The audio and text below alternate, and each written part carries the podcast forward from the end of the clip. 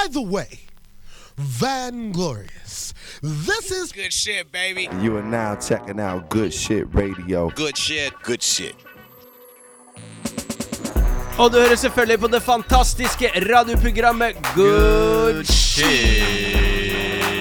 Ja, med Don Martin og vår mann DJ Cali tilbake i studio. Velkommen tilbake, DJ Cali. Takk for det. takk for det Du, Ja. jeg tenkte vi kunne snu rollene litt i dag. jeg. Oi. Eh, fordi du har jo faktisk eh, femårsjubileum for suksessalbumet ditt 'Romsåsgutt'. En gang rosseskutt, alltid rosseskutt. Stemmer det? Så jeg tenkte vi kunne snakke litt eh, om skiva, litt eh, turnéhistorier, litt eh, om låtene og sånne ting i dag. Ja. Ah, en, en skikkelig bursdagssending. Bursdagssending for det fantastiske albumet her. Ja, men det høres bra ut. Den, Ja. den podcasten her heter jo Don Martin slash Good Shit Radio. Ja. Så det er jo, er jo blir jo ikke feil. Skamløs eh, Ja, selvpromotering her, men gjør, vi, gjør vi det vi selv vil? det Så det er jo hyggelig. Takk for at du kommer. Veldig hyggelig å ha deg tilbake igjen. Eh, og det, som programleder Ligge i hi noen år. Ja. Eh, veldig deilig. Men det er hyggelig. Jeg Jeg tenker at nå som du er tilbake, så skal vi litt utover sommeren i år eh, gjøre litt flere ting med deg.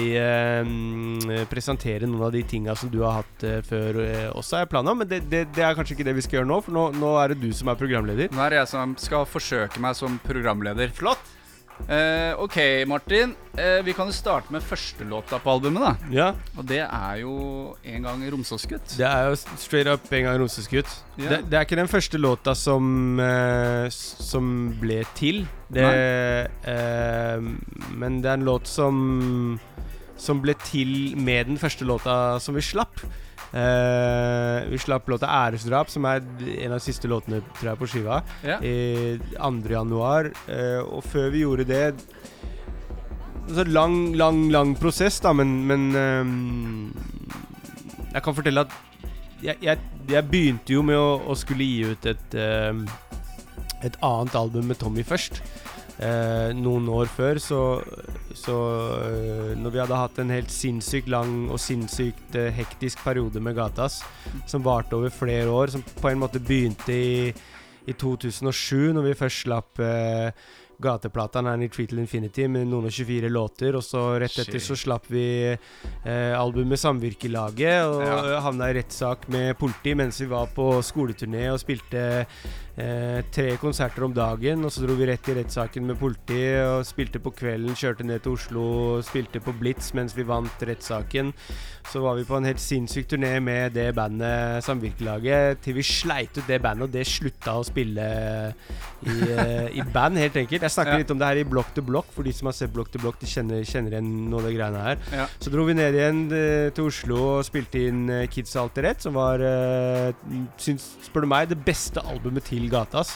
Og det største albumet til Gatas også. Mm. Eh, og så videoer til alle låtene der. Og så når vi hadde gjort det, så begynte vi å spille inn et sånt samarbeid vi hadde med P3 som het eh, Eller hvor vi, hvor vi slapp én låt i uka da om det som skjedde den, den eh, den uka i verden. Vi spilte inn låtene, lagde låtene hver mandag. Så møttes vi i studio.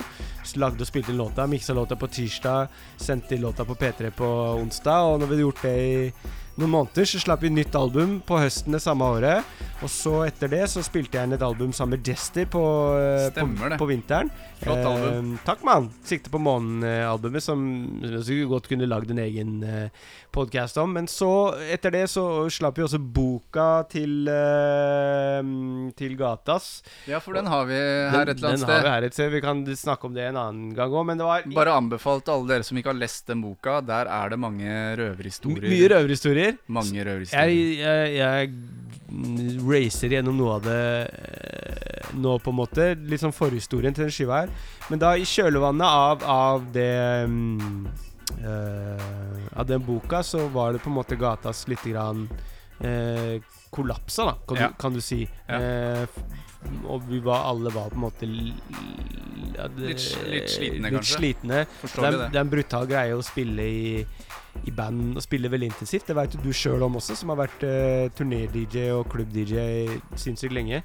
Men da, i, i, kjølvannet av det, så, så hadde jeg og Tommy T begynt å lage noen noen egne låter, på en måte. Og Tommy hadde begynt å snakke om at vi skulle gjøre en skive som var litt mer min og litt mer eh, meg, da. Ja. Ikke for å Ikke for Nei, at jeg ikke var med i gata, men, det. men den, det bandet hadde sin egen greie og Mm. sin egen, eh, sitt eget image og sin egen greie, på en måte. Og jeg, jeg mm, hadde en periode hvor jeg tenkte mye på hele greia med å eh, Liksom hvordan Hvilken retning rap gikk, da, og hvilken retning jeg ville gå. Og vi på en måte fant mye tilbake til meg sjøl.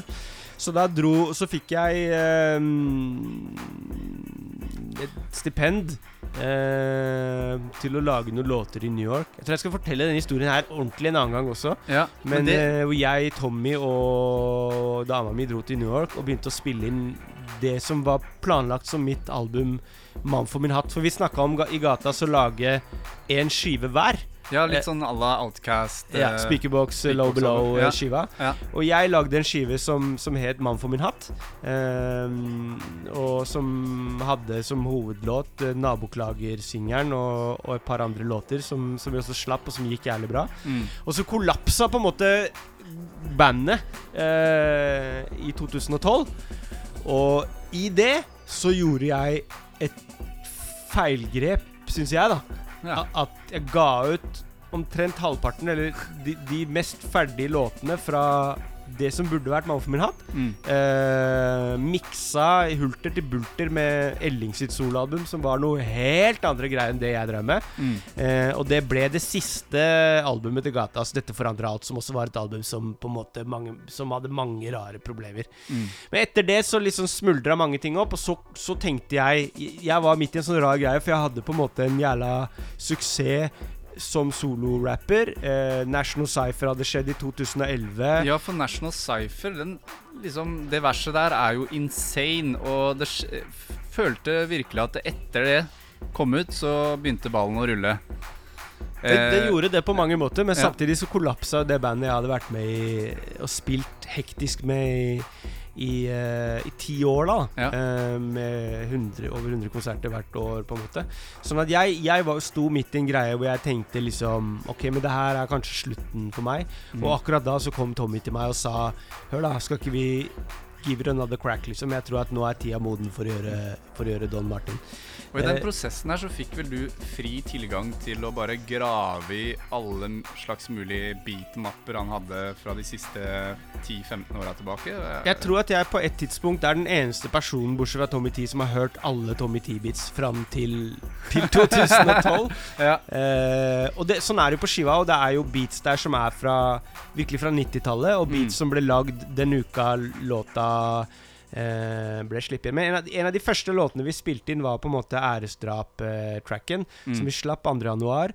Eh, og den veldig lange introen til, til den låta vi skal spille nå, var at eh, Christopher Clunk, som, eh, som jeg var veldig mye sammen med i den høsten 2012, han sa skal vi slippe den låta her, så må vi gjøre noe Vi må gjøre en, en visuell greie. Mm. Eh, og så dro vi opp på Romsås og filma en sånn snutt til æresdrap som vi slapp den med ut av det blå, som ingen, ingen visste. Og når vi lagde den snutten, så var det jeg formulerte den låta som, som ble introen på skiva, og som vi skal spille her. Mm. Eh, en gang Romsåsgutt.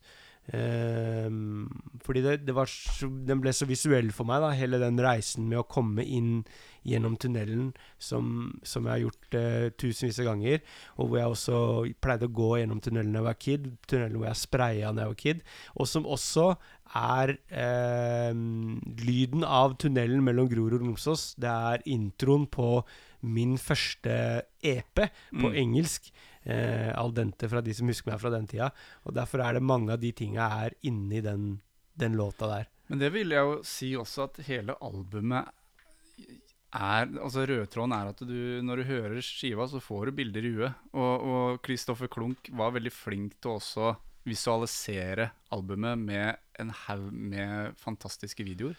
Ja, altså, man, han, han har eh, Spellemanndiplom på veggen fra den skiva, liksom. Fordi For meg så var han Han var eh, Ikke sant, Tommy var jo produsenten og, og liksom hadde kongstanken på lydbildet bak der, da. Mm. Eh, på samme måte så føler jeg at eh, Kristoffer hadde Han hadde kongstanke på liksom hvordan hele albumet skulle være visuelt. da Mm. De forskjellige uttrykkene som gjorde jævla mye eh, for, for greia og på en måte pusha ehm, Pusha liksom på en måte grensa, eller liksom push, pusha framover, da. Hvordan norsk rap så på musikkvideo på den, på den tida der. Mm. Eh, med Nilsen spesielt. Men den låta jeg vil spille nå Vi har, har et liveopptak som vi ikke har på en måte sluppet offisielt, eh, egentlig. Det har bare vært en liten videosnutt noen ute med det første sporet på eh, skiva 'En gang russisk gutt', som er ikke fra Release Party, som vi gjerne kan snakke om seinere hvis det er det du vil. Nei, men det er fra Rockefeller. Det er fra Rockefeller. Stemmer det. Den, den samme som litt seinere, sommeren 2013. Når vi sprengte Eh, Rockefeller, faktisk. Sprengte Konserten het Nilsen-banden sprenger Rockefeller. Mm. Og den var med en sånn lang videointro som også Kristoffer Klonk hadde lagd. eh, hvor, vi, hvor jeg blir henta på Botsen som Edon eh, fra Nilsen-banden. Og så kjører vi gjennom eh, byen med Tommy som holdt på å bli stoppa av politiet flere ganger på måten han kjørte på når vi spilte inn det klippet. Ja. Og så kommer vi inn i, uh, inn i Rockefeller uh, bakfra og går gjennom crowden og kommer opp på scenen. Eh, hvor vi hadde en videovegg som dekka hele greia, og ærlig talt ødela budsjettet til hele jævla konserten. og vi skal høre det liveopptaket nå. Rockefeller! Uansett hvor dere er fra, når trommene kommer inn, så er alle dere fra samme sted fra meg som meg. Og alle dere er fra Romsås, er det klart? Neste stasjon Romsås. Head out, head out, head hello,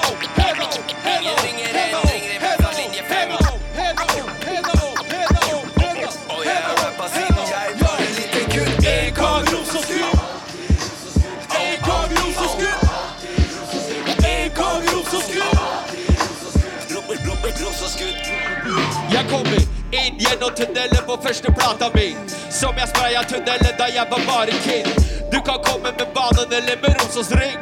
300 blokker, to veier inn. Går av bakerst, berget er som et bomberom. Forbi det som var billettsperrer da man var ung. Tredje etasje er lik sosial slum. Nettopp skrevet i sendeheisen hver dag to. Nettopp på senteret har jeg spytta mitt første vers. Og jeg har rappa for det hele livet, kryss og tvers. Fra jeg tok opp Tommy T på min første kassett, til albumet Tommy T, kalte albumet. Jeg fant ikke på tittelen på plata sjæl. Alle som kjenner Killa Hill, alle de veit det er sånn det er. Røttene man gror fra gjelder hele livet. Men hvordan kan den mentaliteten beskrives? En gang Romsås-gutt. En gang Romsås-gutt. En gang Romsås-gutt. En gang Romsås-gutt. Alltid Romsås-gutt. En gang Romsås-gutt. En gang Romsås-gutt. En gang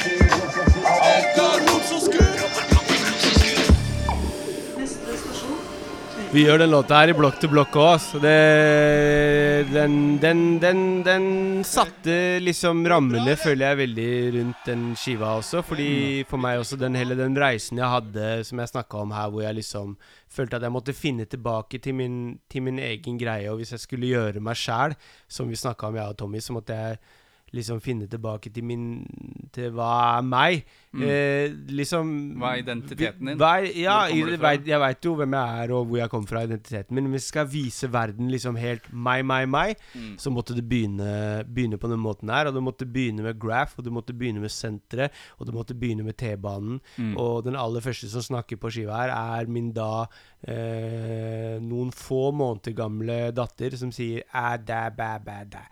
Det, den er veldig fornøyd med, oss, den lille, lille snutten her. Mm. Nei, men jeg tenker litt, Det er jo fem år siden du slapp albumet i dag. Eh, kan du fortelle litt om eh, releasen? Releasedagen? Vet du hva, Den releasedagen den varte i tre dager, ass, for å være helt ærlig. Det, du husker jo kanskje Du du var jo med på øh, og, Var på reisen, og spilte gigsa der. Vi hadde en lukka greie på Sukkerbiten dagen før, husker jeg. Og vi, Mm. hadde liksom alle nervene oppe. Og så begynte vi den dagen øh, Jeg lurer på om det var en Jeg husker ikke om det var en torsdag eller en fredag, men vi begynte den dagen med å spille konsert klokka åtte om morgenen. To, Ja. to konserter i Bayern, som er øh, det litt mindre, den litt mindre kjente avdelinga ved siden av Botsen, Mm. som er eh, mer langtidssoning enn Botsen, da, men en del av Oslo kretsfengsel. Eh, vi spilte inne i en sånn lukka rom, to konserter etter hverandre, for de kunne ikke ha så mange folk inni der. Eh, med, med Boss Castro, så eh, Eh, Vi kjørte inn der før alle anmeldelsene kom inn og alt mulig. Vi visste ingenting. Vi hadde måttet skru av telefonene. Vi var der i mange timer. Ja. Så det var jævla sprø greie òg. Når vi kom ut, så var det grisevarmt ute. Og eh, all, alle anmeldelsene hadde kommet, og liksom ting hadde skjedd på radioen og alt mulig. Men vi var jo i fengsel, så Vi var- vi, vi visste ikke på en måte greia. Og så seinere den kvelden så spilte vi eh, på Romsås fritidsklubb. Hadde vi med Fikk jeg med meg Son of Light. Eh, og eh, Fela var med, Boss Castro var med. Mm. Du var med, jeg hadde med meg flere folk opp og, og gjorde den første liksom eh, offentlige ja, releasen offentlig. på The Raven, Romsås fritidsklubb, som, som også er det stedet hvor jeg begynte å rappe, og som betydde mye for meg. Mm. At eh, mens jeg hadde eh, mitt, mitt største album, min største sologreie til da, eh, at jeg fikk ha den på Romsøs Fiskklubb. Og så dagen etter så våkna vi opp, og så spilte vi først på Kampen-dagene, som var festival på Kampen. Og så uh, trilla vi bakken ned til uh, Val skole, hvor uh, elevene på festival De hadde lagd en, en De hadde jævla dårlig rykte. Det var jævla mye dritt som ble skrevet om Val skole på Tøyen den tida der. Og tidligere den sommeren så hadde det ringt noen til meg eh, og lest opp et sånt brev som de hadde skrevet sånn Hei, Don Martin. Vi ringer fra Val skole. Vi har mye problemer i, med at folk snakker om oss i media. Men vi elever Så er det ti minutter. De laga jo en egen sang også. De lagde en egen sang. Uh, Dire Taus var med på den. Uh, Dita var med på den. Jeg lurer på om kanskje Vinni fra Paperboys var, var vinkla inn i. Men de hadde en festivalsang, og de kalte låta Nei, festivalen sin for Fest i Hval. Mm. Uh, så den spilte vi på, og så avslutta vi eh, den releaseparty-serien med å ha releaseparty på John D. John D. ja. Med afterparty hvor, som jeg husker, du og Tommy T skulle spille. Men jeg tror det var mest du som spilte, for det eneste jeg husker, var Tommy T som breaka Tommy T breaka. med mobiltelefonen i munnen sin. Ja. Nei, det var eh, altså For en kveld. For en fantastisk For en helg! Det, flott sj- så det var sju, sju releasekonserter, Ja. tror jeg vi Én, to, tre, fire, fem Ja, kanskje seks? Fem, fem-seks. Du satt Mange i hvert fall. eh, der og da. Altså. Så det var Det var heidundrende. Det var det. Nei, det var eh, til of Light, som var med Som jeg dro rundt omkring. Eh, måtte, måtte spille alle mulige steder eh, med meg der, men det satte jeg også stor pris på, på en måte. Det må jeg si. Ja, for Son of Light hadde jo egentlig kanskje ikke så mange hørt på norsk før uh, han ble med på en låt uh, som heter Sancho Panza. Eh, med Kevin fra Warlocks og Mae. Nei, jeg tror at det det var eh, Jeg er ikke sikker på den er første låta hans, men det var, var på en måte den som eh, Eller han var jo med på National Cypher enten det året eller året før òg, hvor han også gjorde et norsk vers. Mm. Men jeg visste på en måte at jeg kunne få et, et ordentlig liksom eh, norsk vers ut av han. Og jeg var hypp på å gjøre en, en, en sånn ordentlig TP-banger, da. Eh, og liksom trekke tilbake liksom tråden tilbake til den tida hvor TP Allstars dominerte så jævlig som de gjorde, og på en måte den store storhetstida til Tommy T. da Mm. og i liksom kjølvann av at liksom vi fikk Nilsen og, og, og på, som, som var For å være helt ærlig ikke bare et voldsomt løft for meg, men det var også et, et voldsomt løft for både Tommy T og T Productions, da, som gjorde et lite liksom comeback etter at mange han, han jobber jo alltid og Han- slipper han er, sju- sjukt mye ting. Men, så, men, men det var første gang på et minutt at, at det fikk ordentlig ordentlig oppmerksomhet. Mm. Og da når den, han kom med den uh, Med den beaten til den låta Sancho Panza, så skjønte jeg det her er en TP Liksom sånn derre episk banger. Og da gikk jeg først til lyset, og så var jeg hypp på å ha med eh, ikke bare Mae, som jo er nå aktuell med eh, Oslo-låt. et, et helt album som heter Protarader, som, som jeg håper folk kommer til å sjekke ut, men, men eh, også Kevin fra duoen Kevin og Mae, da. Mm. Som på en måte føltes veldig riktig for meg å ha med på skiva eh, som en TP-greie. Fordi de starta på mange måter med den én av fem-låta. Da, da starta de en greie som, som kanskje ha, burde ha starta mange år før. Ja. Men, men det var den første sånn ordentlig Groruddals eh, litt rugged, grimy arbeiderklasselåta på norsk som, som kom ut. Det var én av fem, og derfor var det jævlig viktig for meg å ha med de to gutta på den. Det som er litt eh, Vi laga jo en del footage til den Rockefeller-release Eller til, til Rockefeller-giggen. Ja. Og da hadde du fått et opptak fra T-banen. At dere filmer bak i vogna, var det? Er det uh, Ja, fått er kanskje litt mm, Eller- feil vær, men eh, nei, jeg og Refuse, vi, vi dreiv eh, mm, Vi hadde kamera et, en periode som vi hadde Som vi hadde. um, så vi gjorde mye rart som vi drev og testa. Der er lenge før, da. Ja, ja. Men mens T-banen fortsatt var rød, så mm, dro vi med et sånn nøkkel som du, du kan, lå- du kunne, Hvis du hadde sånn universalnøkkel til sporveisdørene, så kunne du lukke opp sporveisdørene før, gå inn og ut. Så vi låste opp eh, døra, tror jeg. Enten det, eller så gikk vi fra, fra utsida, for det går sånn. Eh, og så bare filma vi inni tunnelene mens, mens T-banen kjørte, på en måte. Mm. Fordi, eh, fordi kult. E- e- egentlig. Og det, den, den footagen, den, den, den brukte vi på den Rockefeller-konserten, så vi spilte klipp fra. Mm. Jeg vet ikke om vi slapp video til det, men vi har jo også uh, liveopptak av Sancho Panza. Eh, med Kevin og Ma og Lise. Skal vi spille den eh, nå, Kanskje vi gjør det? Vi hopper litt sånn fram og tilbake på låtene her, men eh, det er litt sånn Men la meg eh, forklare den først, da. Ja, ja. Sancho Panza Jeg gikk til lyset, og så sa jeg vi skal lage liksom en, en sånn TP-låt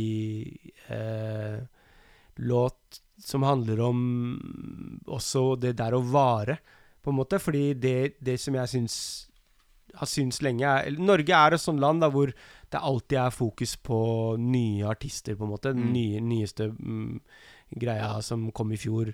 Og det er fett. Det er viktig å trekke fram nye òg, men det er veldig, veldig Det er mange artister som har veldig kort levetid, syns jeg, i Norge, og som ikke tenker langsiktig, og som ikke har liksom folk rundt seg som tenker langsiktig. Og det er det T Productions har gjort. Så jeg gikk til lyset og sa det, og han er jo en en, en, eh, en, en bok- Han er en vis mann. Han er en vis mann. Så han kom til meg med det konseptet Sancho Panza, som er en figur fra eh, romanen Don Quijote, Mm. som er han som ser Don Quijote gjøre all galskapen. Um, og så får du spørre lyset, eller lese boka, for å skjønne resten av metaforene her. Det er mye Eh, metaforer fra, fra den. Skal spille Sancho Pancha live på Rockefeller. Er det ikke sånn? Jo. Sånn er det. Son of Light, Mae, Bang- Kevin, banger. Banger. Don Martin. TP. Lager musikk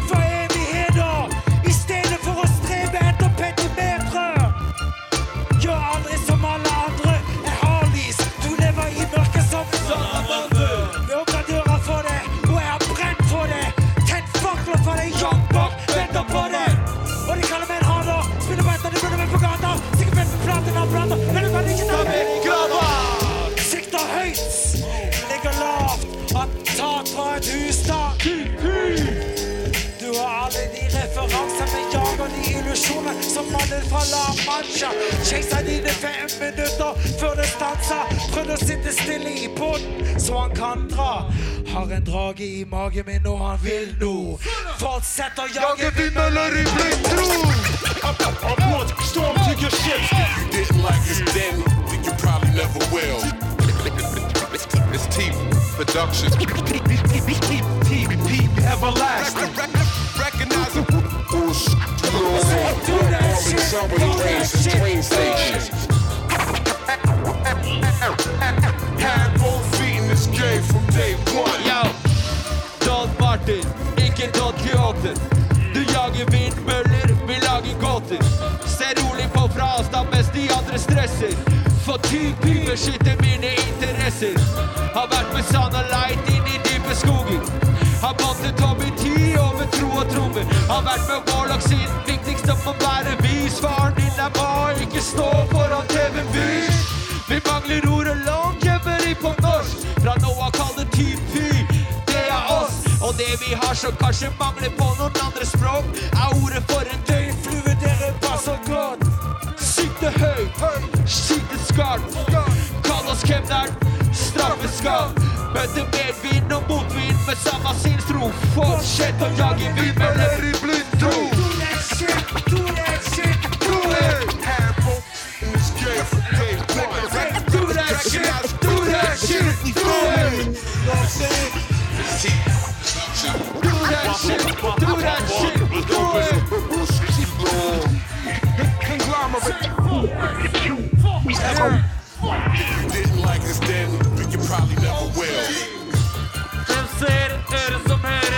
Hvor vi skal, kommer an på hvem som kjører. Stengte dører, vi har brekkjern og sløgge.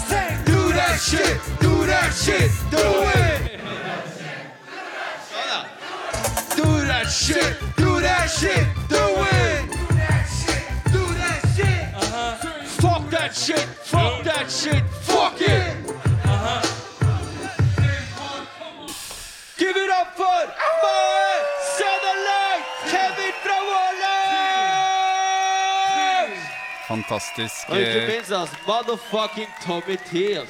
Motherfucking Tommy T. Give it up for motherfucking Tommy T! Shout out til motherfucking Tommy T. Altså. Nei, men det var Det her er kanskje en av de låtene fra den skiva som eh, eh, Som ikke hadde på en måte så Eller noen Mange har jo digga den, den her, da, men som jeg på en måte Den betyr, betyr jævlig mye for meg i forhold til hvor mye oppmerksomhet den låta her har fått. Mm. Og det er også fordi liksom eh, Underveis i hele greia så mm, på en måte jeg, Hvem jeg er, og hvem jeg oppfatter jeg er, og hvem andre oppfatter jeg at jeg er. da At liksom Jeg kommer fra hele den eraen. Eh, jeg møtte Mae første gang i 1992 Mm. eh, på Ammerud, og han eh, akkurat hadde begynt som rapper sjæl. Og jeg kjenner Kevin og, og broren hans fra tida før de kalte seg Warlocks, når de kalte seg eh, Valley of Terra, på en måte. Og Tommy Jeg vokste opp Jeg begynte å høre på rap pga. radioprogrammet til Tommy T når jeg var da jeg var 11 år, og Mm. seinere så var på en måte Folk snakker om, om at dette albumet var mitt gjennombrudd, men, men for meg, i Mm. min verden, i, min, i mitt hode, når jeg skal fortelle min historie, så var mitt gjennombrudd når jeg hadde demo på, på Strictly Hiphop i, eh, på begynnelsen av 90-tallet og ble spilt på radio for første gang med min rappgruppe bestående av uh, idioter fra Rosås eh, for første gang. Sånn at den, den historien for meg, da, den, den det, er, det er der jeg har oppveksten min, og det er der jeg føler at jeg er på mange måter. Og, og liksom eh, Så har jeg vært med i gata og gjort mange kule ting med det òg, men, men den skiva her på en måte var en, en måte for meg å på en måte fortelle meg, ikke bare alle andre, men også meg sjæl, hvem, hvem jeg føler at det er, og hvor jeg, Mm. hvor jeg kommer fra. Der, der var det viktig å gjøre den låta. Derfor alle de referansene er Jeg tror den vanskeligste referansen i det verset her, er, som jeg er jævlig fornøyd med eh, Jeg har flere sånne referanser. Det å si liksom jeg har vært med har bånd til Tommy T over tro og trommer, som selvfølgelig er Bans Beast Beliefs, liksom. Har vært med Sonne Light inn i dype skoger, fordi Sonne Light tok meg med til Mandal, inn i Deep Green, Deep Green, ja. og viste meg um, uh, Viste meg hvor han er fra, liksom. Uh, og den beste og, ikke sant, Faren din og Maja ikke stå foran TV-bish, for han kaller seg opaque, ikke sant, så du kan ikke se noe liksom, Det der er faren din usynlig, er faren din glassmester, er faren din opaque. Mm. Men den beste her er, har vært med Warlock siden viktigste må være vis. Og den er så van... Liksom, du må være så deep in det at når jeg sa den til Kevin fra Warlocks Han bare 'Jeg skjønner ikke hva du mener'. Jeg bare 'Paramount of Wise, man'. Han bare hva, 'Hva mener du', liksom? Og det er den første demoen til VOT, het Paramount of Wise. Eh, som jeg husker godt fra når den kom, Ja. og som er nettopp det mm, det er da, Så jeg har vært, vært med de siden da. Og derfor, derfor på en måte har den Den har dybde for meg i verset mitt, og i verset til Lyse, og i verset til Kevin, og ikke minst i verset til Mae, som på en måte gjorde et comeback til norsk Mm. eh, med, med siden tida eh, en av fem. Og så er neste han har som på en måte sl slo litt hardt, da, var jo den låta her. Og nå er jo Mae blitt en norskspråklig rapper som har en helt egen greie. Og som, unik stil en unik ører, altså. stil, så vi må gi stor skjæra til Mae og Ja. bruke den her flowen til å propse over på albumet 'Proletar Adel', som kommer nå. Det er så mye mellom linjene på han fyren der som uh... Veldig mye mellom linjene, og mye på en måte historie og mye sjargong, da. Mm. Uh, og mye på en måte måter å bruke språket på uh, som som, som, heng, som har lang historie, og som, som er knytta tett opp med Oslo øst og gammel Oslo østkant, som kanskje ikke alle skjønner nå lenger. Må ha en egen episode om det òg. Jeg må ha det. Men når vi snakker om longevity, så vil jeg jo si at den, den låta her kanskje er en sånn låt som vokser på folk over tid. Det er, også, det er en utrolig fet produksjon, men det er som du sier, det er veldig eh, mye referanser og, og ganske teknisk eh, Altså tekststruktur. Ikke minst som fra- kanskje folk må høre noen ganger for å catche litt, da. Ikke minst fra Dragen Son of Light. Dragen Så Son han er Light. ute etter å drepe verden når han rapper det verset her. Mm. Så han puster flammer, altså. Ja, takk, takk. Jeg kan ikke si noe annet enn takk, men jeg også føler at det her er en av de på en måte tinga som, som, uh, som jeg tror er sånn du må liksom la vokse på deg, og det, det er jeg veldig glad for, fordi det er det jeg syns er kulest. Jeg syns det er fett å høre en låt og digge den med en gang, men mine favorittskiver, album og låter er ofte de som på en måte har ikke, ikke alltid har liksom bare vært sånn smack, bam, boom, så digger du alt. Nei. Men hvor du liksom Du må vende deg inn i greia på en måte litt for å, å bli med inn i universet. da Og en skive du kan plukke opp og plutselig høre noe nytt. Som du ikke har hørt før. Så jeg anbefaler alle i dag å plukke opp skiva, lytte på den igjen. Det er fem år siden i dag den ble sluppet. Du skal få 100 kroner hver gang du sier noe sånn positivt, eh, Kalle. Jeg er en positiv eh, fyr. Kan ikke vi gi bort noe? Uh, jeg har noe vinyl og noe greier bak her. Ja, Kan vi gi bort noen vinyler? For vinyl eller kassett eller, uh, eller CD. CD er kanskje ikke så spennende, men kassett eller vinyl er jo alltid moro, det. Ja. skal Kanskje vi bort- kan legge ut en konkurranse på good shit. Ja, vi, vi, vi eh, tar den her nå. Vi, kjører, her, ja. vi kjører nå. Vi, tar, vi, gir bort, du kan gi bort en tre-fire vinyl og en tre-fire kassetter. Ja. Eh, så får du finne, finne ut hva vi, hvordan vi skal gi det bort, egentlig. ja Du kan rase videre mens. Da kommer vi tilbake må til det. Må he- henge på mot, mot slutten av greia her, så kan vi, kan vi gi bort noen, Se om vi noen husker vinyl. det. Ja. Men altså, hvis vi skal følge tracklisten her nå, da, så er jo neste låt etter introsporet, det er Il Dante. Nei, neste låt er Nilsen, men den Ja. føler jeg at eh, vi har snakka så mye om at, eh, at eh, Altså, hvis du vil snakke om den, så kan jeg snakke på automat, jeg, men, men, men jeg har jo snakka mye om Nilsen, da. Vi har snakka mye om Nilsen. Mm. Vi, vi kan hoppe videre til Dante med Kave. Mhm. Eh, kan du fortelle litt om hvordan den låta ble til? Var, det, var du i studio med Kave, eller var det litt sånn eh, internett eh, feel-sharing, eller eh, hvordan er eh, Hvordan var prosessen der? Nei, altså, jeg, jeg, det, var i studio med Kave. Jeg skrev jo den låta først. ehm, og versene først. og, den beaten syns jeg er jævla fet. Jeg var, jeg var hypp på å ha en, en låt som var en spyttelåt, men, men jeg må si også at liksom den låta var en av de låtene som for meg som låtskriver, da, så tenker jeg at hvis du, hvis du ikke utvikler deg og ikke utfordrer deg, så, så kommer du på en måte ikke videre. Og den, den låta var også en sånn låt hvor jeg skrev eh, Jeg skreiv for å gjøre det komplisert. Mm. Ikke bare for lytteren, men også for meg, da. Mm. Som, som jeg har gjort en del ganger, og som jeg ofte synes er- Det er jævlig gøy å skrive det. Det er jævlig irriterende å spille det live, og du bare Hva faen er det? Hvorfor skrev jeg tekstene på den måten her? Det er ikke mye pusterom i den flowen der. Nei, og så er det mye som eh, Som ligner på hverandre, og mye, det er mye å huske, på en måte, da. Men, Mm. men den er jævlig underholdende å, å skrive, på en måte. Så det var en sånn naturlig ting for meg å liksom skrive greier. Og så er jeg jævlig glad i liksom sånn referanse ehm, Altså tekster som er liksom vanskelig referansemessig, du må catche mange liksom ting, For det, da. er- det er mye altså det er, Se på teksten her, det er ganske mange Alt fra artister til uh, produsenter til uh, racerbilkjørere som Martin Skanke, Ja, uh, til just... våpen eh, Altså, det er helt sinnssykt mange re referanser her. Eh, Jeg, nå, nå har jeg også teksten her ja. foran meg. Hvem er onkel Varja? Onkel Varia er jo, som, det, som jeg sier i teksten, gudfaren til Dons datter. Er onkel Varia Ja. Ehm, Don Johnson er kjent fra Miami Vice. Eller er jeg helt ute og tuter? Don Johnson er kjent fra Miami Vice. Ja. Eh, så eh, jeg kan si det, det er en sånn blanding av flere ting her. da Den ene er en, en sånn Sånn joke eh, Liksom eh, Ikke sant Nas har en linje half Half eh, man, half amazing, Mm. liksom. Og som, som Ja, jeg har også spint mye på den halvt sånn, halvt sånn, eh, liksom Eller fra Robocop, da, hvor du er half man, half eh, machine, på en måte. Jeg er halvt eh, Rakim, halvt eh, Martin Trernmæl, halvt Litt av hvert, liksom. Men også den på en måte greia med Sånn forvirringa, da, med, med liksom blitt kalt Don Omar.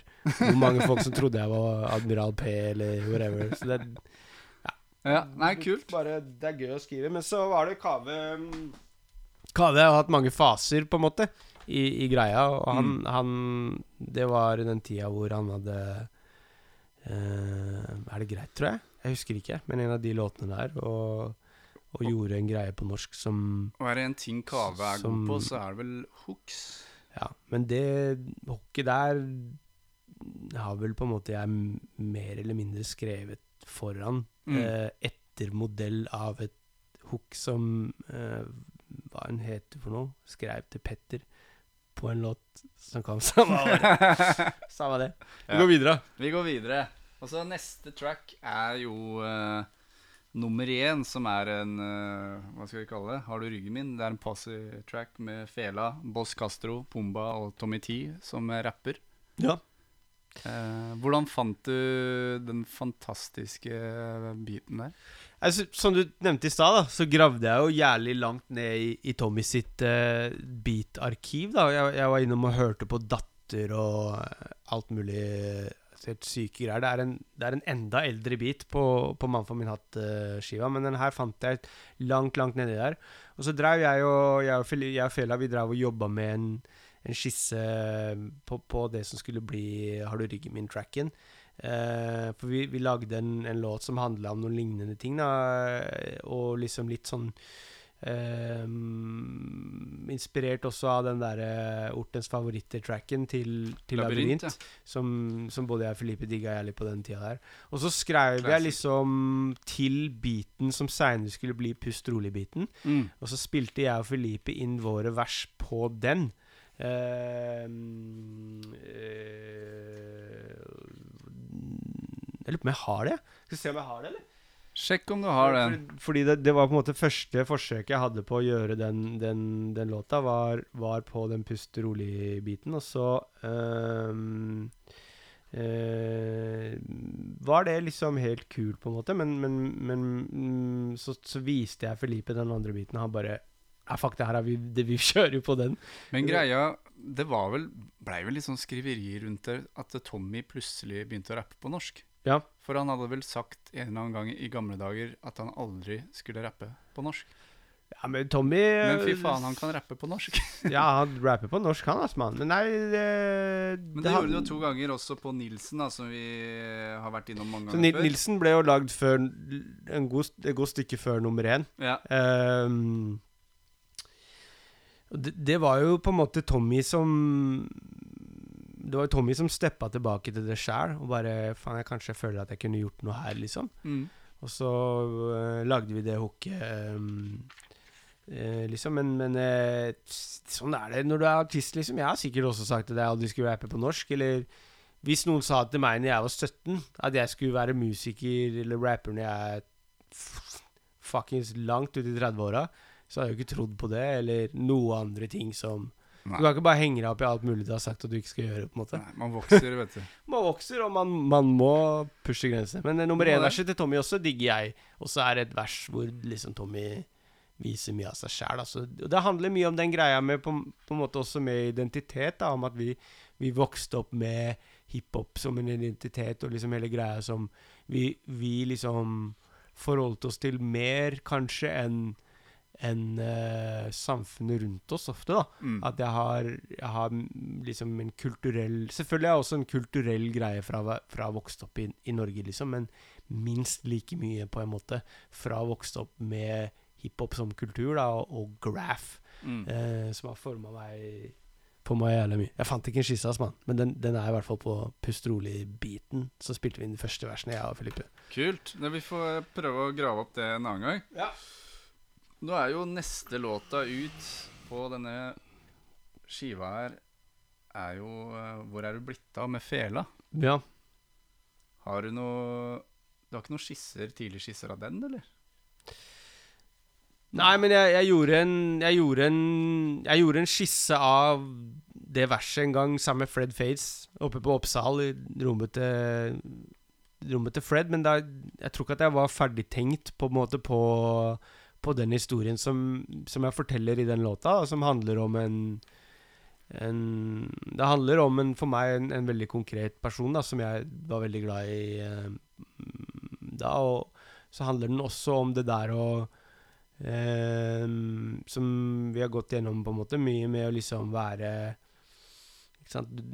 Med folk som går sånn, jeg, jeg, jeg har klart meg på en måte bra, syns jeg, da, i livet mitt. liksom Jeg har hatt mine struggles, jeg òg, men jeg har jeg har kommet til et punkt hvor jeg, jeg er litt for, glad for å være den jeg er, og, og hvordan jeg er blitt, og liksom det livet jeg har rundt meg. da Men mange jeg kom opp med, og som jeg eh, så opp til, har ikke gjort det så bra i sine liv. da hatt, Tatt andre valg, rett og slett?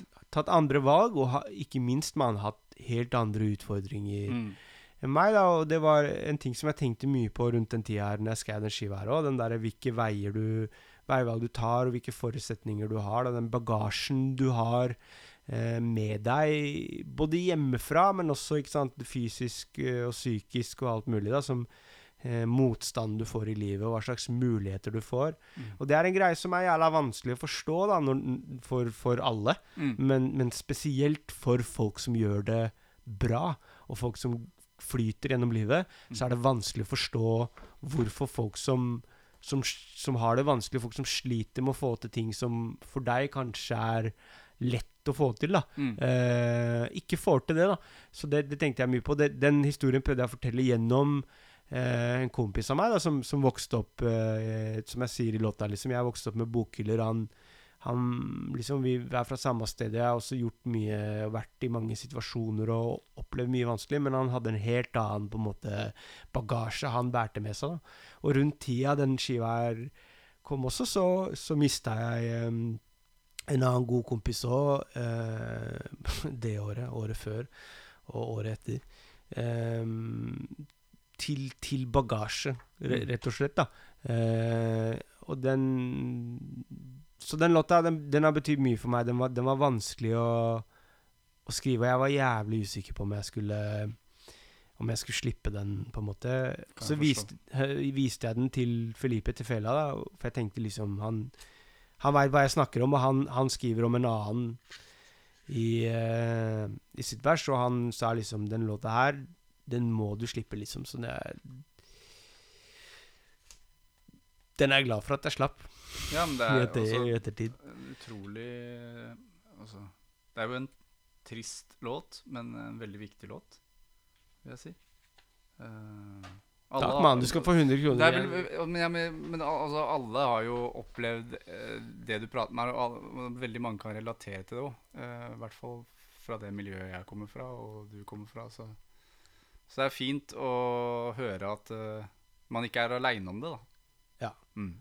Jeg tenker at liksom hele samfunnet vårt, da, det er jo uh, styrt av folk som Folk som har gjort det bra. Mm. Enten de er eier bedriften, eller er stortingspolitikere, eller bestemmer over andre, da. Mm. Så, er, så er det liksom De har til felles at de har klatra seg oppover i livet, og de har så er det sikkert utfordringer og motsetninger, de òg.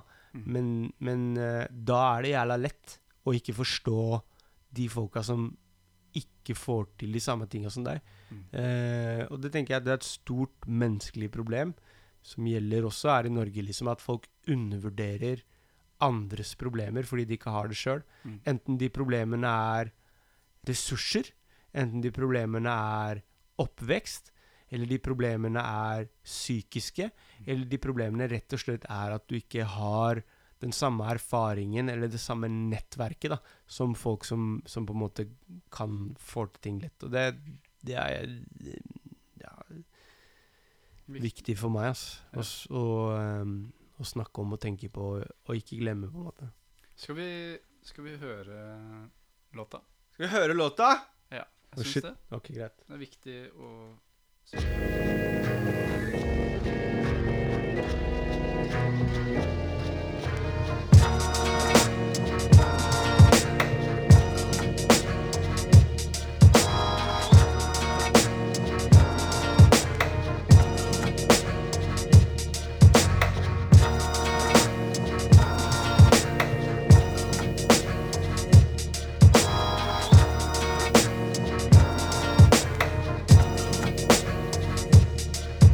Samme årgang, samme klikk, lik linje én gang. Kom fra samme hood, samme tid, samme nedslag. Mora var narkis, og det som følger med. Min var lærer, vi var venner, begge bøller. Men det er klart at når det høljer ned, så var jeg bedre kledd. Jeg kom fra bokhyller, tillitsvalgt som leste pøtt. Du lånte jakka, nekta blant noen mora racka, men jeg så hun med pi i logoen min på fuck ass. Homie. Fiende for vi ble kjent. Du lærte meg å lage tro oppi min speilvenn.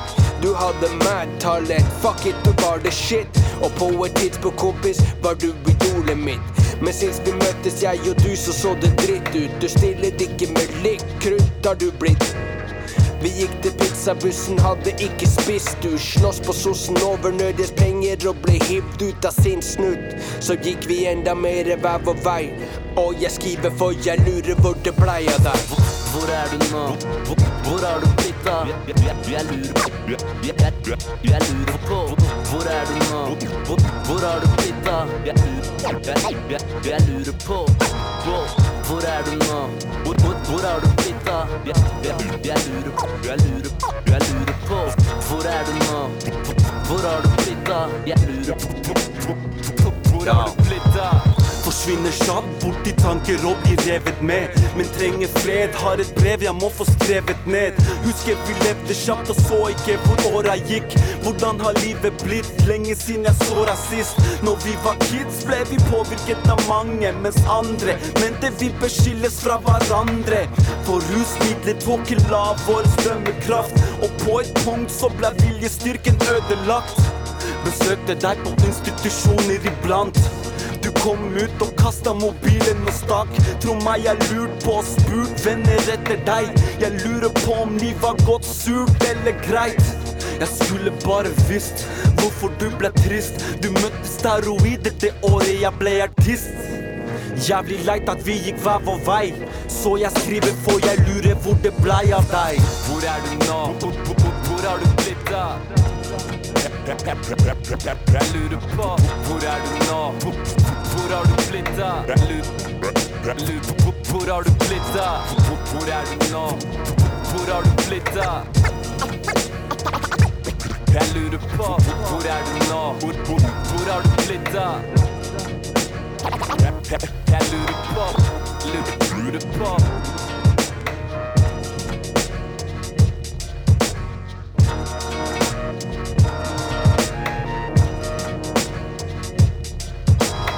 Hvor er du blitt av? Tommy T på beaten.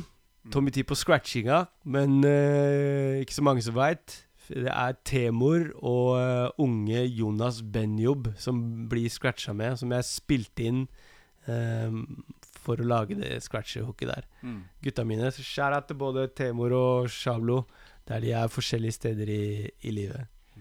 Talenter. Ja. Neste spor er Det eh, er jo matpapir. Og der har vi et intervju, faktisk, som vi kan spille. Kristoffer Klank, som, som gjorde hele visuelle greier for det, han lagde et, et videointervju Mm. som vi aldri slapp. Bare fordi at vi hadde så mange ting å slippe at det gikk litt stokk over stein. Så vi spiller det. Ja.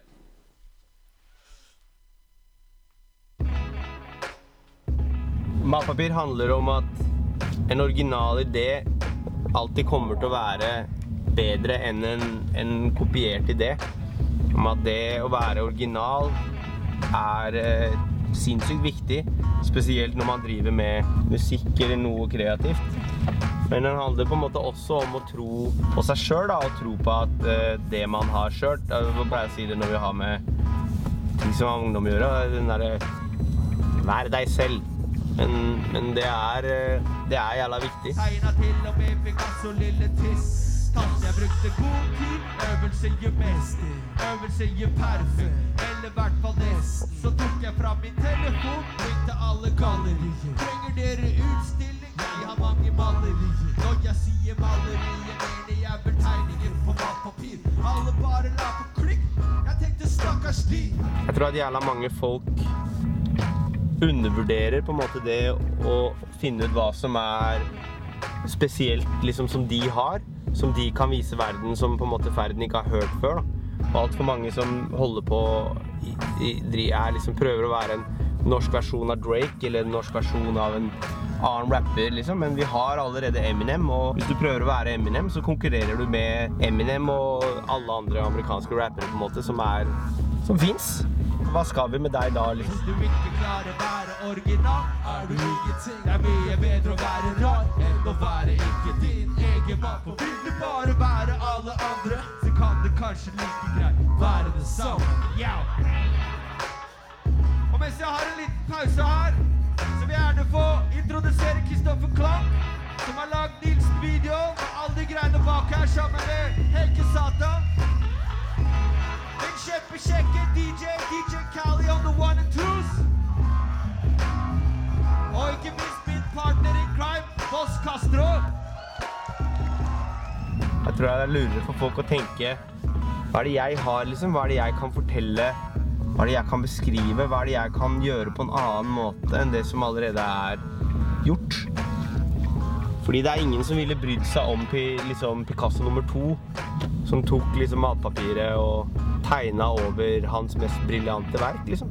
Når du ser på de briljante verka, så er noe av det som gjør det så jævla briljant, er helt enkelt det at det er jævlig annerledes. Ja, hvis du ikke klarer å være original, er du ingenting. Det er mye bedre å være rar enn å være ikke din egen mann. For vil du bare være alle andre, så kan du kanskje like greit være det samme. For hvis du ikke klarer å være original, er du ingenting. Det er mye bedre å være rar enn å være ikke din egen mann. For vil du bare være alle andre, så kan det kanskje like greit være det samme. Ja. Fantastisk. Litt, litt liveklipp fra, fra noen konserter der, og så litt et, eh, et intervju som Kristoffer gjorde med en gang vi kjørte rundt et eller annet sted. Og han Mm. filma og, og sto i det. Fins en del sånne klipp som han lagde hele den tida der, som var Få se om kanskje det blir eh, sluppet. Kanskje, kanskje ikke. Kanskje, da vi kanskje spilte ikke. er fint å ha noe her også. Ai, Så det er ikke noe verre enn det. Så det var det. Og så er jo neste låt uh, på tracklisten her er Isbilen. Det er en låt uh, jeg er glad i, og sønnen min på snart to år elsker den låta, og ikke minst Isbilen-boka. Mm. Eh, og hele den Altså, det Klunk gjorde med, med den musikkvideoen til den Isbilen-låta, det var jo insane hvordan han greide å Hvordan, hvordan stabla dere på, på plass det der prosjektet der? Fordi- Burde jo på en måte hatt Klunk med i den, den podkasten her, eh, og Tommy, på en måte. Men eh, nei, du kan si den, den uh, Isbilen var den første låta som jeg, som jeg skrev ordentlig til, til den skiva her. Eh, lenge før de andre låtene. Ja. Jeg skrev den uh, på sommeren eh, 2012. eh, uka før eller uka etter Eller jeg skrev den liksom Jeg skrev den og spilte den inn uka før og uka etter at vi fikk barn, jeg og, og dama mi. da Så litt rørete den, den tida der, sånn det blir når du får barn. Ja. Men uh, hvor jeg Hvor min på en måte liksom tanke da bak hele låta var at det er jævla mange låter Altså alle låtene som handler om at dama di er gravid, de er fra et sånn derre Å lø. Dama mi er gravid, fuck, hva skal jeg gjøre-perspektiv. Ja, ja. Men jeg var jo dritglad for, å, for at dama mi var gravid. Det var det feteste som hadde skjedd meg. på en måte Så jeg var hypp på å skrive en låt nett om det, da fra en positiv vinkel. Akkurat som jeg snakka om i det klippet her før. Da, ha en, en idé som jeg, jeg syns var åpenbar, men som jeg ikke skjønner hvorfor ingen rappere hadde gjort. Um, og så sprang den idé, det liksom premisset i isbilen ut, helt enkelt fra en joke som jeg hadde med søstera til dama mi, hvor hun bare Ja, når du liksom blir pappa, så må du steppe opp og gjøre det her, bla, bla, bla. Og jeg bare Nei, jeg skal steppe opp og gjøre det her, bla, bla, bla. Og hun bare Nei, du skal steppe opp og gjøre det her, bla, bla, bla. Jeg bare Nei, nei. Når jeg får kid, liksom, så skal jeg ta lappen, for da hadde jeg ikke lappen. Det skal jeg love deg. Nei, stemmer det. Um, og så skal jeg få meg jobb med å kjøre isbilen, sånn at dattera mi blir fire-fem år. Så kontrollerer jeg distribusjonen av all is i nabolaget, og hvis noen fucker med datteren min, så får ingen is. Og så lo hun, og så tenkte jeg hm, der var det en idé, liksom. Så skrev jeg den låta, og Tommy fucka med den med, med en gang. Han bare, han bare 'Det er derfor vi skal gjøre deg, mann, for det her, du tenker på en annen måte'. Eh, som, som jeg ble jævlig glad for, på en måte. Den måten han, han også ser på det, da, og ser annerledes. Og så gikk jeg og viste den til Kristoffer eh, Klank. Og Kristoffer begynte arbeidet med å lage isbilen eh, den høsten. Og ville på en måte Det var, det var liksom tenkt at at isbilen skulle komme tidlig, da, som den første låta fra albumet. Mm. Men han bare Han brukte så mye tid på å finne på ting og finne premisser og alt mulig. Og så begynte han å låse seg fast til at det skulle være fint vær i videoen. Det skulle være blå himmel. Og jeg bare Man, liksom, det er november nå, liksom. Vi får ikke noe blå Hva er det, med, hva er du snakker om? Bare Nei, det må være blå himmel. Det må være blå farger. Vi skal ha de og de fargene. Og jeg skjønte ikke dritten av hva han snakka om. Og til slutt så var det sånn der Jeg bare Vi må ha en video. Og så sa han OK, men hør, da. Da lager vi video til en annen låt imens. Ja. Og så lagde vi Nilsen-videoen, Ja, ja, em, som jeg sendte han, og som han først ikke syntes var noe bra. Så lagde han heldigvis Nilsen-videoen, og så ville han fortsatt ikke lage Isbilen-videoen. Han bare Nei, det er ikke blitt nok grønt på, på trærne, og vi skal ha grønne farger. Jeg bare Du skulle ha blå? Jeg bare Ja, men jeg skal ha blå og grønt.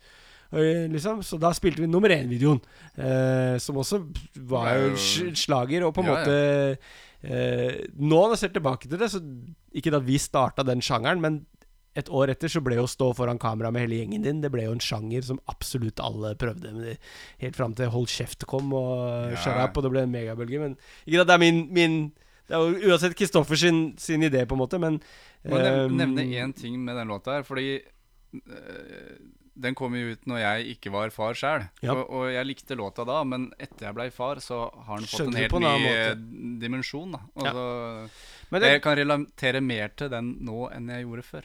Det regner jeg med, og, og det var jo tanken min var jo at jeg skulle skrive en låt som var for på en måte unge foreldre og foreldre med liksom hiphop-generasjonen. Og du, du går videre og du blir voksen på en annen måte, og plutselig så, så må du liksom innse at livet ditt er ikke ditt lenger.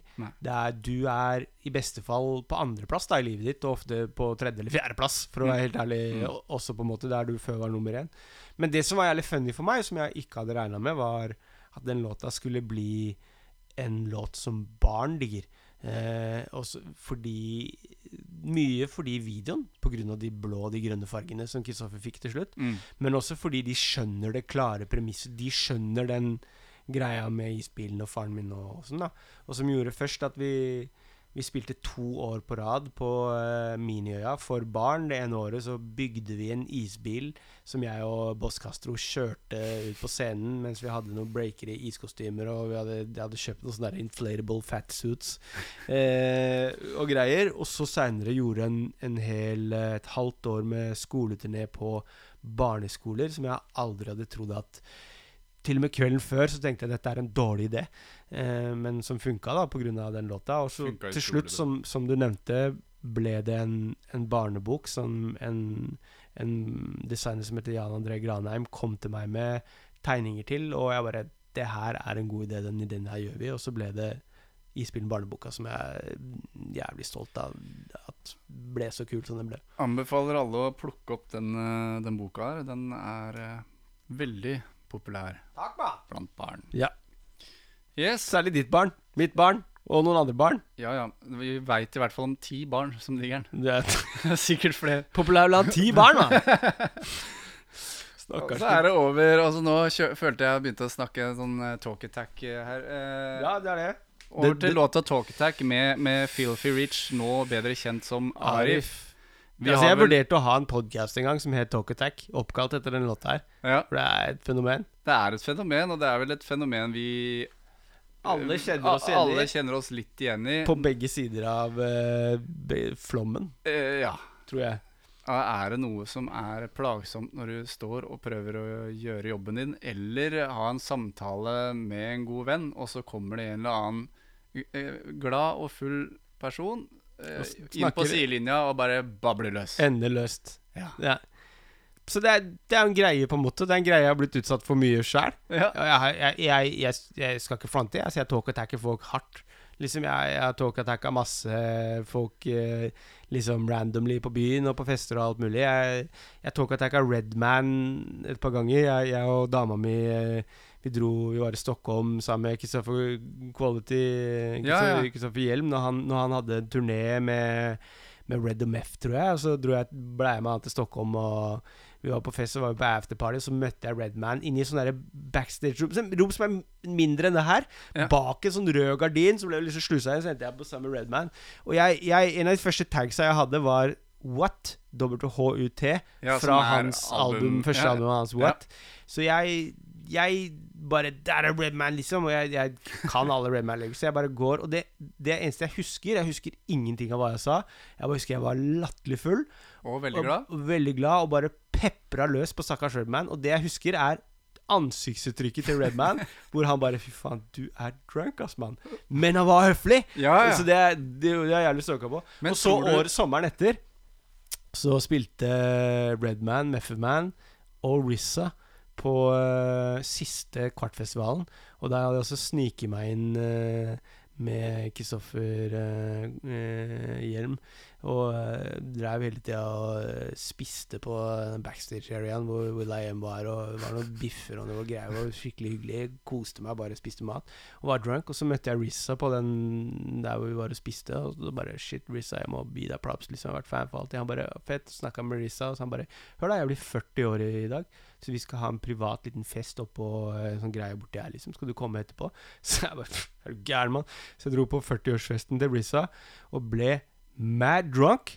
Og så uh, snakka med Method Man og sånn, og så bikka jeg formen en gang. Og så, da møtte jeg Redman igjen. Og Red, begynte jeg å snakke til Redman, og Redman bare Hei, du er faen meg han karen fra Stockholm, liksom. og jeg bare ja, ass. Og det er det siste jeg husker, før jeg talk-attacka dritten ut av Redman en gang til. Så jeg skal ikke si noe! Tror- jeg er sånn sjøl! Men jeg tror du det fins en sånn derre på alkoholfylleskalaen eh, En sånn når man peak Hvor, hvor peaker man? Altså på Jeg den tror er- skalaen, talk attack. Eh, Altså For meg så er det rødvin. Alt blir viktig når du har Ja. drukket en del rødvin. Så ha, alt du har å si, er det viktigste som, som kan bli sagt. Så Ja. du må, må få sagt det, uansett hva det er, da. Ja, og så er jo noen verre enn en andre. Og jeg, Ja. det, det er, men jeg, vi, vi- etter, etter den skiva her så har vi kalt Kalt det for en nummer åtte. Og hvis du er utsatt for en nummer åtte, så må du be kompisen din bare Yo, nummer åtte, få meg ut av det her, mann. Ja. Men jeg er veldig glad for Arif også. Det her er jo et av de første versene Arif gjorde på norsk. Han gjorde jo Tuggish Ruggish på norsk. Ja, for den skiva Eh, kom jo i 2012, eller noe? Var det? Den her kom i, Den her kom i 2013. Ja. Men Tuggers Ruggers, og så hørte jeg Arif på norsk, og så gikk, eh, husker jeg og Sikki blant annet Vi drev og snakka med Arif om at Yo, mann, du må gjøre norsk, mann. Du må Mm. gjøre norsk. Og så tok jeg med eh, Arif i studio for å gjøre Naboklager-remix. Eh, en som er med Robel, Kave og Arif. Eh, hvor jeg liksom overtalte Arif at Hør da, den her skal du gjøre på norsk for meg. Og det verset hans er hilarious på norsk. Ja. Eh, og jeg tror i løpet av den prosessen også åpna det seg litt for Arif. Da. Han skjønte at han skulle gjøre, gjøre norsk. Så jeg var veldig glad for å ha med han eh, på et av de første versene hans på norsk her også. Og like etter så tok jo Arif løpefart og løp. Tok helt av. shout out til han, altså. Det Flink fyr. Flink fyr.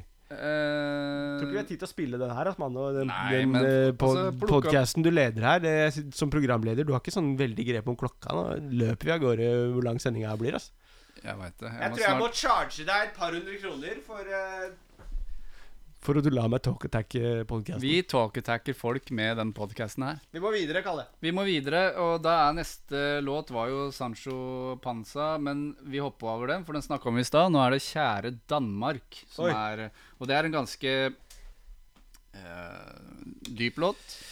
Hvis vi skal snakke om låter som, som har vokst, uh, så må jeg si at det, det kommer popper folk ut av woodworksene her og der og sier jeg har, jeg har hørt mye på skiva di, men den, den låta jeg digger, er 'Kjære Danmark'. Mm. Uh, det var en låt som fikk skikkelig dårlig reviews. Ja, det var litt slept on eh, i starten, husker jeg. Eh, Ja, til og med liksom kritikk, da. Men, men for meg, og, og, og en, en låt som liksom Den er kanskje teknisk dårligere enn en alle de andre låtene, på en måte. At den er skrevet litt sånn Sånn den er. Men, men for meg så betydde den, den mye, fordi uh, jeg skrev den låta Familien min er jo fra Danmark, Mm. uh, på den ene sida, og flykta fra Danmark under krigen til Sverige, og, og så seg aldri tilbake, på en måte.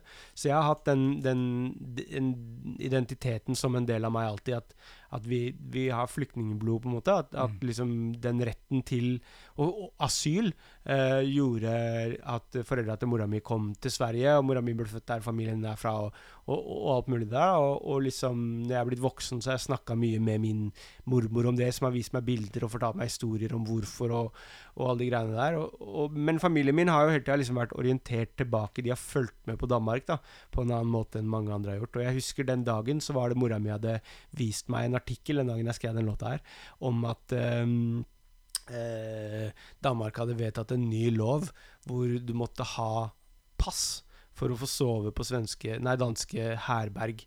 Så hvis du var hjemløs eh, og du ikke hadde stats, statsborgerskap, og det var februar, altså fuck, fuck deg, da kan du fryse i hjel. Eh, og den på en måte måten menneskesynet har utvikla seg i Danmark, da, også etter den låta her på, Mm. eh, og liksom hvordan rasismen liksom bredt om seg, stikker dypere i Danmark. Det kommer jo her òg, det kommer jo her også, men de, de var lenge før. da Og hvordan de har behandla sine innvandrere. da Den, den, den øh, Den var jævlig skremmende, liksom. Den, den varsla jo om hva som skulle skje her òg, på en måte. Men, men på den tida når jeg skrev den låta her, så lå Danmark øh, langt foran. Og derfor var det Jeg på en måte skrev den låta her, 'Kjære Danmark', på en måte da som, som en som er jævlig glad i Danmark, og som veit at jeg kommer på en måte fra Danmark, Ja. uh, men som, som en kritikk. Hvorfor tror du at uh, du har fått flere tilbakemeldinger på den låta nå? Er det noe med verdensbildet generelt at du føler uh, kan det er jo rolle? retninga Europa og Skandinavia har gått siden da. da Ja. Er jo mer mot det samme greiene. Selv om Danmark fortsatt har en, et par skritt foran både oss og Sverige, på en måte.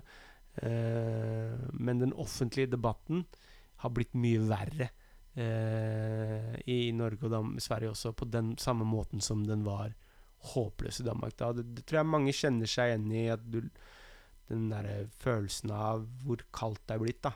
Eh, Hvordan menneskesynet har endret seg. Hvordan menneskesynet har endra seg. Eh, og det er på en måte det den låta ja, toucher inn på. Skal vi spille låta nå, eller skal vi la Tror ikke vi har Ok, greit. Vi spiller den.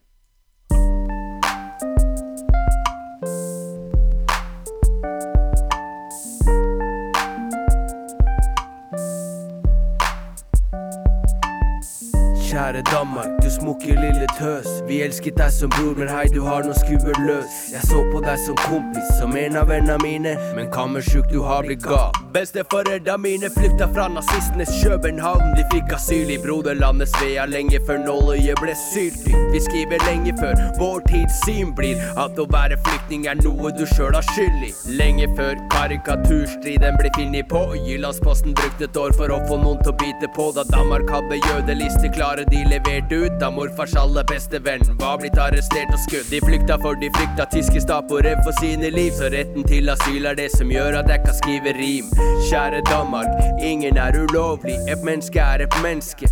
End of story. Jeg tror du sov i historietimeren om deg selv. Vi håper Norge aldri blir som Danmark, men med flere fjell. Statsborgertest, sverg til ditt nye fedreland. Karsten Jensen står igjen aleine som en Bergeland. Kjære Danmark, du smukke lille tøs. Vi elsket deg som bror, men hei, du har noe skuer løs. Jeg så på deg som kompis, som en av vennene mine, men kammersjuk, du har blitt gal. Om litt er kaffen klar. Den er arabica, men den skal ikke drikkes av araberne fra Afrika. Nei, vi kan ha det, dra tilbake dit du kom ifra. Dansk kultur er overlegen deres jævla apekatt. Du kunne like gjerne kalt det raseteori. Like gjerne kalt danske konstabler Stasi-politi. Bytte ut arabere med jøder, la oss tegne den. Evig griske jøden om til bombeturban Mohammed. Historien gjentar seg for den som ikke lærer. Vi er tilbake der hvor verset starter, kjære Danmark. Vi har elsket deg som bror. Hilsen norske fjellaper, så vi synger som Natasha. Gi oss Danmark tilbake. Kjære Danmark, du smukke lille tøs. Vi elsket deg som bror, men hei, du har noen skummelt løs. Jeg så på deg som kompis, som en av vennene mine, men kammersjuk, du har blitt gal. Kjære Danmark, du smukke lille tøs. Vi elsket deg som bror, men hei, du har noen skummelt løs. Jeg så på deg som kompis, som en av vennene mine, men kammersjuk, du har blitt gal. Produsert av Tommy T. Jeg og Tommy T har en, en historie jeg kanskje forteller en gang med den biten her òg. En, en annen låt som jeg skrev til den biten her, men som jeg, som jeg ikke vil Som jeg ikke er klar for å si til noen. Det er neste låta på skiva. Det er jo Nilsen-banden og Dynamitt-Ali sprenger oljefondet, og det er vel eh, mer en sånn litt Altså det er en Radioteater? Radioteater, men for å kanskje på albumet bryte opp litt den al Altså, det var en veldig alvorlig låt vi hørte her nå, og så kommer den rett etterpå. Er det på en måte for å få en liten sånn relief eh, at man eh, Hvorfor plasserte du den låta akkurat der? Den ble jo kanskje plassert derfor derfra, men den ble jo lagd derfra mer fordi at liksom vi er, er jo litt sånn. Det er litt tullete. Og så var det fordi når Når, når, når, eh, når Nilsen slapp, så skrev Martin Bjørnesen, tror jeg, en anmeldelse i Klassekampen hvor overskriften var 'Hatten av for Nilsen-banden'. Mm. Og vi bare Hæ-hæ! Nilsen-banden, lættis, vi tar det, vi løper. eh, så da begynte vi jo bare å kalle hele klikken vår for det. Ja. Og eh, lagde den tullete låta hvor premisset er at vi er Nilsen-banden. Jeg er Edon, eh, Edon Nilsen. Eh, Tommy T er Åssen er det? Jeg, få, jeg husker ikke teksten. Jeg har aldri klart å gjøre den la- låta jeg la ut noe fuck opp greia. Eh, Boss Castro er um, eh, Hva faen er det han heter for noe? Eh, han derre Helmax. Nei, da faen. Jeg husker ikke. Og så er det jo Fella som er Dynamitt-Ali, og, og Tommy T som er eh, Egon. Ja, Nei, nei, det er, meg. Egon, det er meg, det. Så det er veldig, veldig tullete låt. Men ehm, Den er veldig morsom å spille live. De få gangene vi har gjort det, så er den det. Edon, Benny T og Shell Castro. Ja. Det er Nilsen-banden pluss Dynamitt Ali. Så det er jo eh, Bakgrunnen også for den konserten som vi har spilt et par liveopptak herfra, var jo på en måte hele den Vi gjorde den greia som, Vi starta jo showet med den, egentlig. Eh, så var det. Og så neste var jo æresdrap. Den har vi snakka litt om. Mm. Eh, og til slutt så er det jo avslutningssporet 'Pust rolig'. Mm. Ja, det er jo inni, inni det samme tematikken, da. Uh, Pust rolig handler jo på en måte om hvordan liksom uh, Hvordan jævla mye har kokt over, på en måte. Mm. Hvordan folk koker over Huene til folk koker over noe jævlig. Hvordan liksom hele samfunnsdebatten om folk sine meninger om ting da er koker over uh, fort, uten at folk egentlig har tid eller grunnlag for å finne ut av hva de snakker om, da. Litt, Eh, eh, litt i forhold til kanskje sosiale medier, hvor man bare spyr ut, kaster seg inn i en debatt uten å ta seg fem minutter. Pust. Absolutt, pust altså, rolig, også- pust inn. Ikke sant? Men, men, men eh, mange andre deler av samfunnet òg, da. At det liksom det det, kok, det liksom Det går en kule varmt liksom jævla fort over, over ikke noe, da. Og, og at liksom folk blir så drivd av liksom narrativene hele tida om hva som er viktig, og hva som er ikke, da. Mm. Og jeg syns liksom hele den greia med eh, Det er alltid liksom eh, imponert meg hva det er folk hisser seg opp over, og hva det ikke er folk hisser seg opp over. Eh, og folk er så jævla lette å hisse opp, da. Og, og det er jo liksom hele den faren ved å ha på en måte demagoger og, og liksom en, en sånn der populistisk høyreside som, som driver og peker ut skyld og sånn, er er jo alle de folka som ikke puster inn og ut og tar det rolig og tenker seg om før du liksom eh, vil gi skyld, da, eller liksom hisser deg opp over noe som ikke er farlig. Sånn, senere kan du si liksom flyktningbølgen, liksom, hvor hakk over hu, hu, hodet den gikk, da når, når det var et sånn narrativ og var på forsida av avisa hver jævla dag, så kom det jo ikke så mange folk. Det var jo ikke sånn at Norge ble nedrent, men alle hissa seg opp uten å tenke over, uten å liksom sjekke um, tallene der. Og det syns jeg at for mye av liksom alt blir dratt i den greia der. Um, så da skrev jeg den låta her, som jeg er jævlig glad i, på en måte, og som på, på meg henger sammen med en låt som heter 'Blant glansbilder', og Nilsen. Um, og som min mann Jim egentlig skulle lage musikkvideo til, men vi, etter at vi hadde sluppet Æresdrap, Nil Nilsen nummer én, Isbilen og så Il Dante, så var liksom Var jeg, var jeg, var jeg, Jeg- jeg- sliten av å slippe videoer fra den skiva her, så Jeg, slutta. Når jeg tenker tilbake eh, til hele den perioden der, så skjønner jeg liksom ikke helt hvordan vi fikk tid eh, til å Og hvordan du fikk tid, og hvordan Kristoffer fikk tid. Eh, oppi alt som skjedde i den perioden, med musikkvideoer Altså, det var en konstant strøm med, ti med ting vi gjorde, og info fansa dine fikk. Det er morsom tid. Ja, det er morsom tid. Jeg Jeg Duracell, og jeg har en, en dame som som, Tålmodig. som er, er ikke bare tålmodig, men som, som er Som er rå.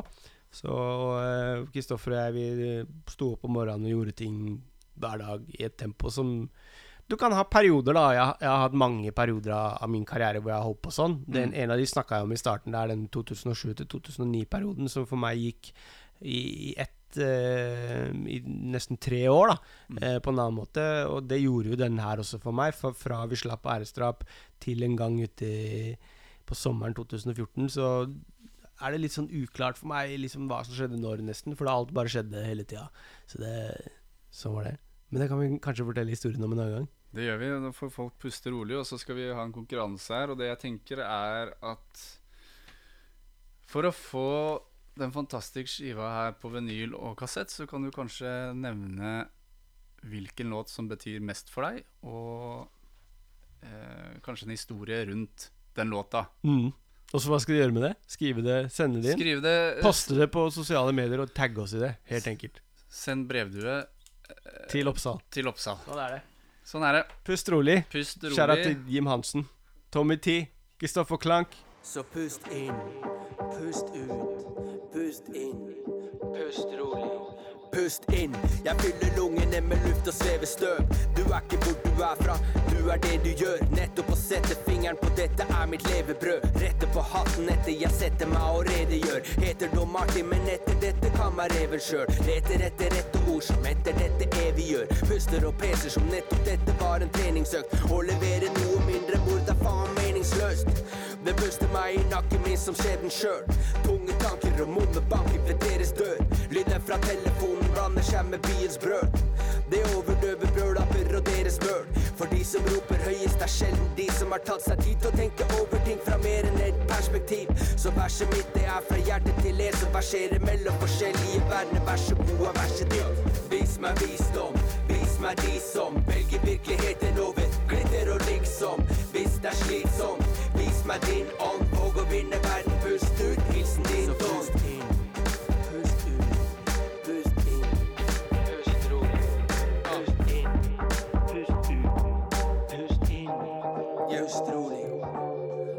gjennom grønlandsleire, tyggende på tannpirker. Spytter som om jeg var nordsomalier. Iblant like hissig som om Oslo lover tigris og alt vann minker. Det fuckings Frp kan kysse meg i framskrittet.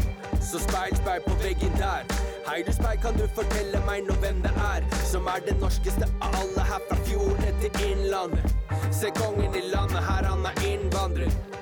Så ingen eier nasjonalitet. Jeg lar ikke noen få bestemme min identitet. For uansett om hvordan fugleflokken har migrert, så må vi alle mann få finne vår tilhørighet. Jeg roper ingen er bedre enn noen til sinne koker. For hele menneskeheten er en gjeng med idioter. Og det de vil er ha oss alle ned i skyttergraven. Så mens de spytter på vår verden, spytter jeg tilbake. Vis meg visdom, vis meg de som velger virkeligheten over glitter og liksom.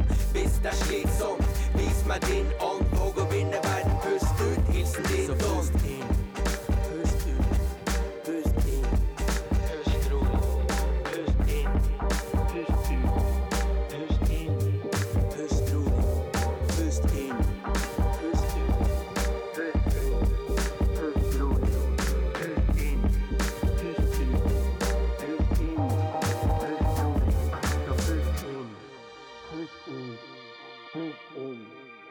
струны.